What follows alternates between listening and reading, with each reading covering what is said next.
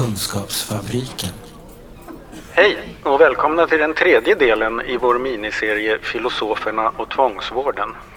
Idag ska ni få träffa både Christian Munte och Susanna Radovic som jobbar på CELAM, Centrum för etik, juridik och mental hälsa vid Göteborgs universitet. Christian hörde ni i vårt förrförra avsnitt när han pratade om utmaningarna med att försöka bedriva personcentrerad vård i rättspsykiatrin och i annan tvångsvård. Och Susanna var med i vårt förra avsnitt och pratade om vilka olika betydelser som termen sjukdomsinsikt kan ha när förvaltningsrätten ska bedöma om en person ska fortsätta vårdas med tvång eller ej. Och efter de två intervjuerna blev det förstås självklart för mig att fråga hur, hur kom det sig att liksom, ni filosofer i Göteborg hamnade i rättspsykiatristudier? Du var lite inne på det Christian när du pratade ja, om det förr. Ja, men faktum är att historien är betydligt äldre än, än det mm. som jag berättade om. Så det är väl bäst om du börjar Susanna, för du var ju med egentligen ja. innan jag var insyltad. Det var jag ju. Ja det, det, ja, det började ju helt enkelt med professorn i rättspsykiatri, eh, Henrik Ankasäter, mm. eh, som eh, var när han blev professor i rättspsykiatri eh, tyckte att här, den här frågan, eh, eller de här frågorna, den mm. här frågan, alla de frågor som rättspsykiatrin aktualiseras eh, behöver en det räcker inte med att psykiatriker diskuterar dem utan vi måste ha Eller jurister. Eller jurister ja, eller psykologer. Mm. Eh, utan vi behöver belysa det från massa olika perspektiv och även det filosofiska. Han var ju mm. filosofiskt intresserad eh, också. Så det var ju han som började med att knyta kontakt med filosofer. Mm. Eh, och då eftersom han var i Göteborg så vände han sig till, till filosofiska institutionen här. Eh, och, och då var ju jag en av de första som tänkte att det här verkar spännande, det här mm. hoppar jag på. Och jag tror att våra Kommer, vi kommer nog från lite olika ingångspunkter till varför eh, rättspsykiatrin är så filosofiskt intressant. Jag kommer från medvetande filosofihållet, skrev min avhandling om introspektion, sen borde ju verkligen. Mm. Eh, så är ju intresserad av det mänskliga psyket. Mm. Eh, så en, en del av oss, sen har jag också kommit bli väldigt intresserad av juridik under vägen, det var jag inte från början. Men, och sen har vi de praktiska filosoferna som har en lite annan eh, För du är teoretisk, är teoretisk eller ja. fysiker, ja. teoretisk filosof. Mm. Ja, just. Mm. Så, eh, så, och, så att dels är det ju då de här eh, ja, begreppsliga frågor håller ju alla filosofer på med. Mm. Men, men de här frågorna då som har intresserat mig som jag pratat om insikt och, och om vad en vanföreställning är till mm. exempel. Det och, annat. och sen så har vi alla de här eh, etiska frågorna som aktualiseras. Som vi har berört även när mm. vi pratade. Mm. Ja, nu kan ju du komma in. Ja, men det var ju, och, och, det var, så att det fanns ju vid filosofiska institutioner i Göteborg, fanns ju dels redan ett liksom befintligt intresse för mm. medvetandefilosofi och psykologins filosofi, psykiatrins filosofi. När det gäller just det här kunsk frågor om mm. kunskapsbegrepp och de olika begreppen i de här disciplinerna och, och sådär. Men det fanns ju också, också då eftersom det fanns det här med vårdetik och det fanns också intressen för man säger, psykiatrins olika värdefrågor och etiska frågor. Så det fanns också på plats mm. liksom ett mm. intresse som nu kunde fokusera speciellt på liksom just det här området. Mm. mm. Liksom när Henrik eh, dök mm. upp. Mm. Hur länge sedan är det? Som... 2008, 2007, 2007 ja. Var det då man bildade det här Selan? Ja, Selan bildades lite senare, mm. men vi började ju då 2007 och sen mm. bildades Selan 2012. Men vi var ju en forskargrupp innan dess som jobbade tillsammans. Just det. Uh. Och sen har vi nu sedan några år For Evidence där ni också har ingått på ja, olika sätt. Inte, jag. inte du riktigt, nej, nej, men du Christian har gjort det. Precis. For Evidence är ju helt enkelt ett, ett, eh, ett stort eh, forskningsprogram som är knutet till Selam och placerat mm. på Selam. Ja, så är det. Så Även det om samordnaren sitter i Växjö. Precis, men ja. Eh, mm. projektet är ändå där. Ja, sitter, på, sitter i Växjö och är på Selam ändå. Ja. Ja, så kan men, det, men det bedrivs forskning på flera olika ställen i landet under uh, For Evidence-hatten? Mm. Ja, det ingår ju liksom lite i programmet också att eh, dels att initiera forskning som där man studerar saker inte bara i Göteborg utan också på flera andra mm. liksom, rättspsykiatriska mm. vårdenheter men också att samordna den nationella den olika typer av nationella forskningsinitiativ som finns. Mm. Så det, det är ett ganska stort forskningsprogram som liksom innefattar dels då specifika forskningsfrågor men också koordinering och också det här med kontakten med brukarorganisationer mm. och ingår ju också som ja, en del i det hela. Så det är ju det är ett försök att verkligen ta ett helhetsgrepp Ja, precis. Och som vi från brukarrörelsen uppskattar väldigt mycket. nu är det ju vårt det pågående rättspsykiatriprojekt som vi har som, som är den självklara parten i det arbetet. Mm. Och som också kan leverera in löpande erfarenheter av när de är ute och träffar patienter och, mm. och testar olika saker. Mm. mm. Men vi pratade lite också om, alltså ni har ju var och en diskuterat här eh, du Christian utifrån det här med personcentrering och beslutsmässighet och du utifrån sjukdomsinsikt. Och det är ju områden, som, eller liksom begrepp som i sin otydlighet också kladdar in rätt mycket i varandra. Mm. Um, hur har ni tänkt kring det där? För, alltså, för det blir så att för varje begrepp ni börjar skärskåda så ser ni att det förmodligen mm. krockar eller hänger ihop med andra. Ja, alltså, ja det, det, finns ju, för det första så finns det ju inte längre, eller inte, men några så vattentäta skott mellan praktisk och teoretisk filosofi. Så jag har ju kommit att orientera mig mot etikfrågor ganska mycket. Jag sitter ju här och, och pratar om rättssäkerhet mm. och sådana här saker mm. och, och, tycker att det är viktigt. Eh, men sen när, när samma, mer specifikt svar på frågan, när samma begrepp till exempel uppstår i olika forskningsprojekt i olika sammanhang. Som till exempel eh, beslutskompetens mm. där ju insikt visade sig vara relevant. Mm. Eh, så det, det, är klart att då, då tar man ju reda på eller tar del av, av vad eh, de andra forskarna eh, och lyssnar på vad de då har har studerat liknande och närliggande begrepp i andra mm. sammanhang och så vidare. Som till exempel Leila som både du och jag har pratat om och Thomas Hartvigsson som mm. skrev om. Så att, eh, ja. Mm. Men eh, det här kan ju ni få upplysa mig om skillnaden mellan teoretisk och praktisk filosofi. Om man tar ett sånt här, ett sånt här begrepp, vad blir skillnaden i hur ni griper er an det beroende på vilken disciplin ni kommer från? Alltså ett sätt man kan tänka sig, det traditionella sättet att försöka förklara mm. den här uppdelningen av ämnet är att eh, praktisk filosofi håller på med alla filosofiska frågor, det vill säga frågor som inte studeras av specialvetenskaperna, mm. eh, som kopplar till mänsklig praktik av något slag. Mm. det är alla typer av samhälleliga och sociala grejer, men också individuella frågor. Ja, och då brukar man också säga att alla frågor som har med värderingar att göra hamnar där inne. Mm. Men det är inte riktigt, riktigt, riktigt ändå strikt, strikt på det sättet. Därför att när man då ändå då eh, ska förklara vad teoretisk filosofi är, då brukar man säga så att då håller man på med alla typer av frågeställningar som handlar om liksom mänskliga försök, mänskliga, människors uh, försök att uh, bilda sig uppfattningar om hur saker och ting är då, snarare än de bör vara och sådär. Uh. Och då redan den distinktionen kan man ju börja rota mm. i. Men inte bara det, utan också att väldigt många, just den här aktiviteten som människor har när man ska försöka fnula ut hur saker och ting är, innehåller också värderingar. Mm. Ja, eh, så att det är mm. liksom, som vetenskapen kanske är det allra mest uppenbara, där vetenskapen bygger inte bara bygger på det här att man har en uppsättning metodregler mm. som man applicerar och följer och det är ju normer och värderingar mm. som man har formulerat innan som bygger på att man har bestämt sig för att när vi söker kunskap då gör vi det med jättehög ambitionsnivå och med väldigt höga krav på vad som duger. Mm. Och det är en sorts värdering som man gör då va? Som, ja, precis. Och då kan man, så, då, så ett exempel på kan ju vara det här med om man tittar på ett begrepp som insiktsförmåga eller beslutskompetens.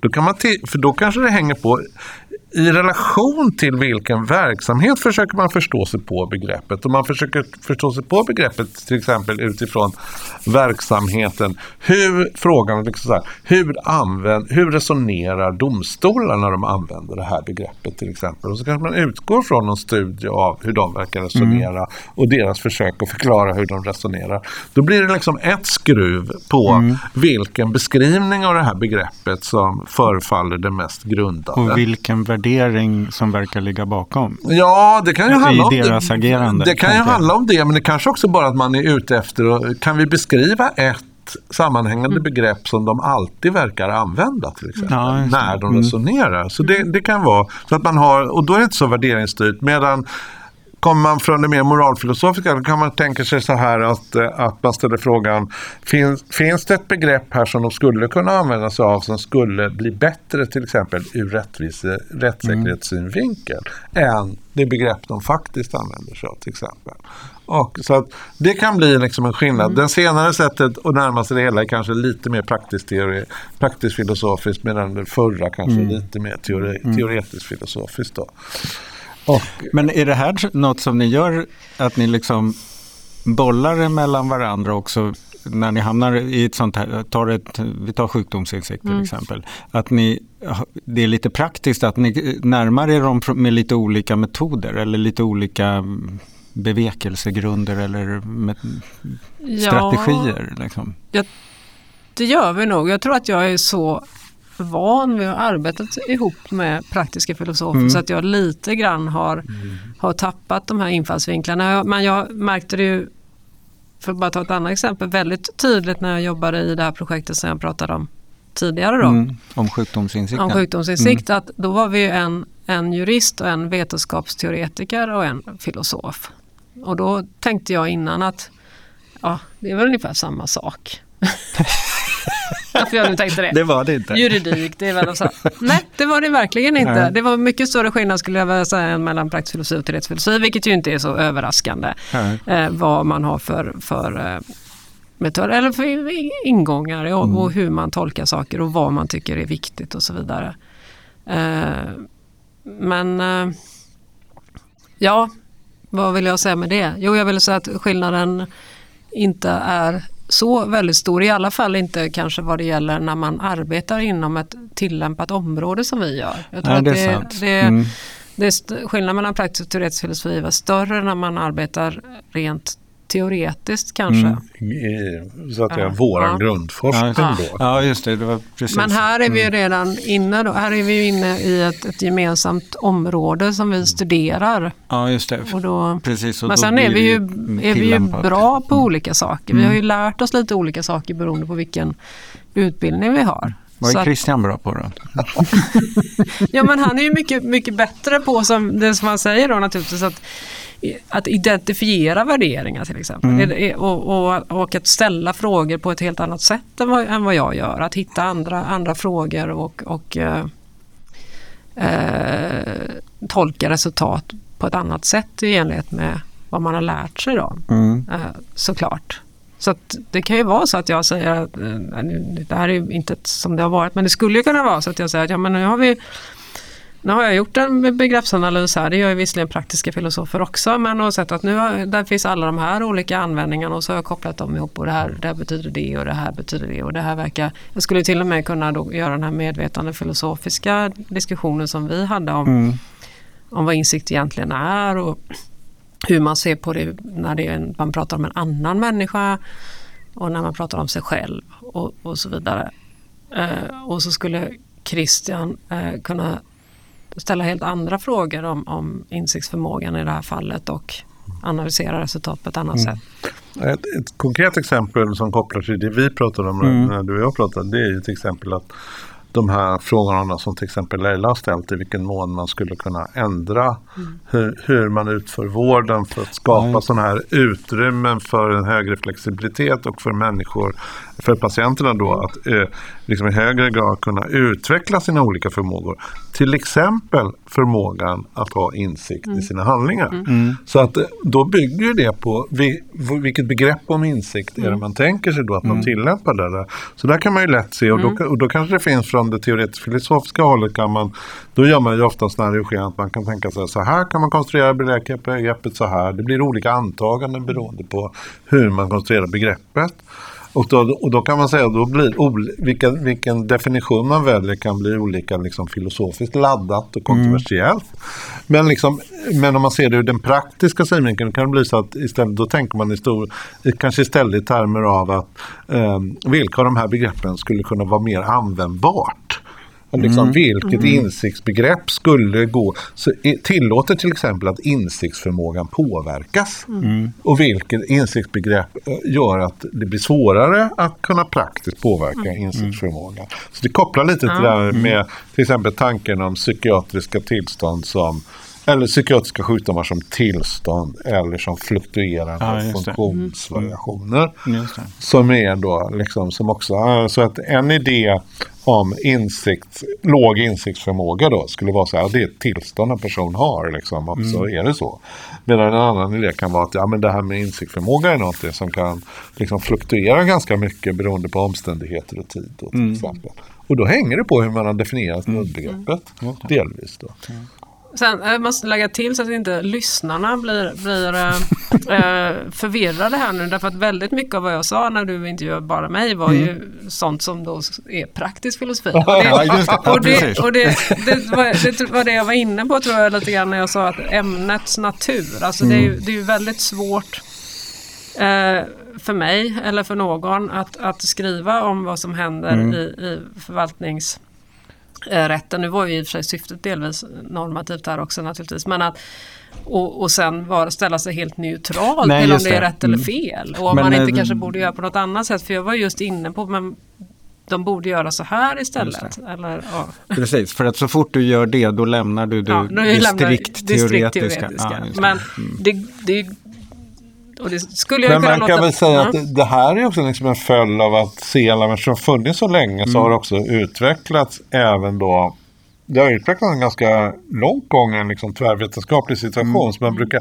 på engelska brukar man skilja mellan interdisciplinary och transdisciplinary. Ja, just det. Och då, då har det att göra med interdisciplinär, då, ligger man liksom, då bearbetar man samma forskningsfråga från lite olika håll Mm. och har informationsutbyte.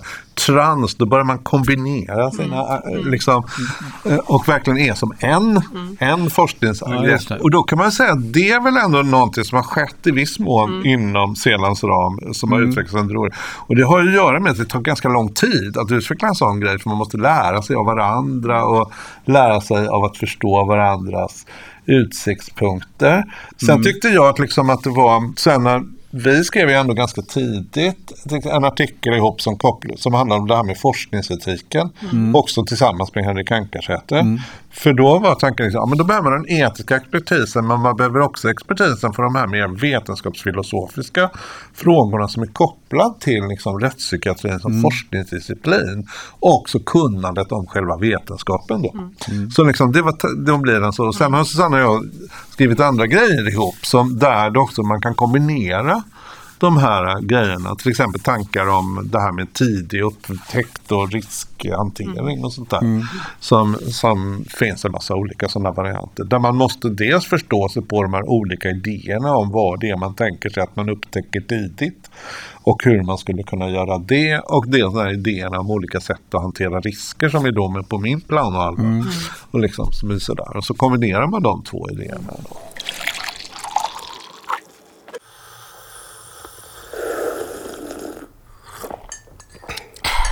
Kafferast i Kunskapsfabriken. Det är intressant att höra er. Ehm, för jag tänker också eh, det här, den här strävan ni har att liksom säkra upp att det vi gör är genomlyst, att det står på någon slags stadig grund, att ni också måste titta på etiken i forskningen för att kunna börja göra de här frågorna. Då förstår jag ju lite hur, det, hur uppbragtheten möjligen, eller möjligen nyfikenheten då när ni stöter på begrepp som inte verkar ha, som många använder lite hur som helst. Att det, här finns det att göra för oss filosofer som gärna vill reda ut saker.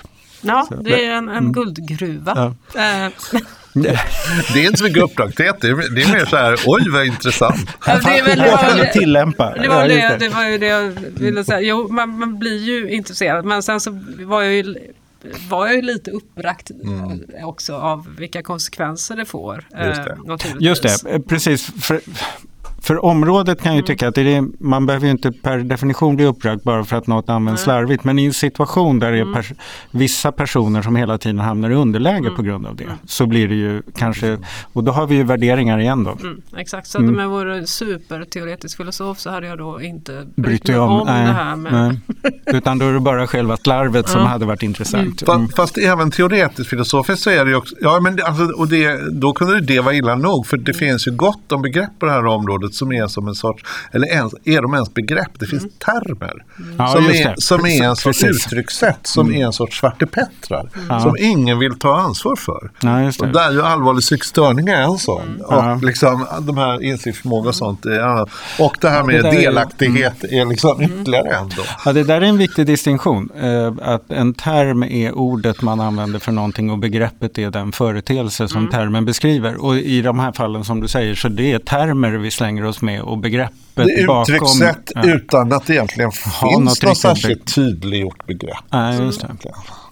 Precis. Och vi kommer behöva göra mycket poddar i mm, framtiden. Vad roligt. Det är jätteroligt att göra Jag kommer tillbaks. Eh, men inte minst, eh, ni kommer ju båda också forska vidare. Du mm. är ju sugen på mer kring det här med mm. insikt och du mer Vi fortsätter ju då, mm. For Evidence ska ju fortsätta här åtminstone tre år till. Yeah. Så kommer vi fortsätta och då, då kommer ju huvudfokus då vara på den här frågan om hur man kan få en mer strukturerad och användbar bild av rättspsykiatriska vårdens mål. Då. Just det. Eh, och att liksom ha någon sorts mm. modell som både ska ge teoretisk ökad förståelse men också kanske användas praktiskt både mm. för vårdens syften och forskningens syften. Mm. Och det där läcker ju, eller pekar ju direkt mot det jag ska göra imorgon när jag ska ut i Rågården och träffa Peter Andiné mm. och Thomas Nilsson. Nilsson eh, som jobbar med två projekt här. Som, mm. som är att omsätta det där. Precis, eh, precis. Faktiskt. Det, mm. och Thomas och Peters projekt då, de håller ju väldigt mycket på att hålla på med så grundläggande mm. kunskapsinsamling som mm. borde ha skett för hur länge som ja, helst. Sen precis. egentligen, va, men det inte har gjort. Mm. Och sen kommer nästa steg och redan där är det då, men en del av den kunskapsinsamlingen handlar ju om hur man arbetar väldigt mm. praktiskt. Och det, vi hade ju en workshop i programmet helt nyligen. Och och då, det var ju då det kom fram det här att, att det här med att man har en oklar målbild skapar inte bara problem när man ska forska. Utan det verkar också vara som att det är ett praktiskt hinder när man ska bedriva vården. Därför att mm. man vet inte vad man siktar på när man bedriver Det är som att det finns en term som heter rättspsykiatri men inget riktigt begrepp. Mm. Mm. Ja, vad spännande, vi ska träffa, träffa dem ja. imorgon. Då får vi Precis. Så att jag kommer fylla halva hösten med rättspsykiatripoddar från Göteborg. Mm. Mm. För Thomas, vi visar ju vår, vår tvärvetenskap. För Thomas arbetar ju också tillsammans med Lena då som jag tidigare arbetat ah, ja. med om mm. ytterligare något projekt som handlar om vårdens innehåll. Så ah, det, det. Ja. det händer mycket. Mm. Ja. Transdisciplinärt var det så. Mm. mm. Det tar vi också med oss.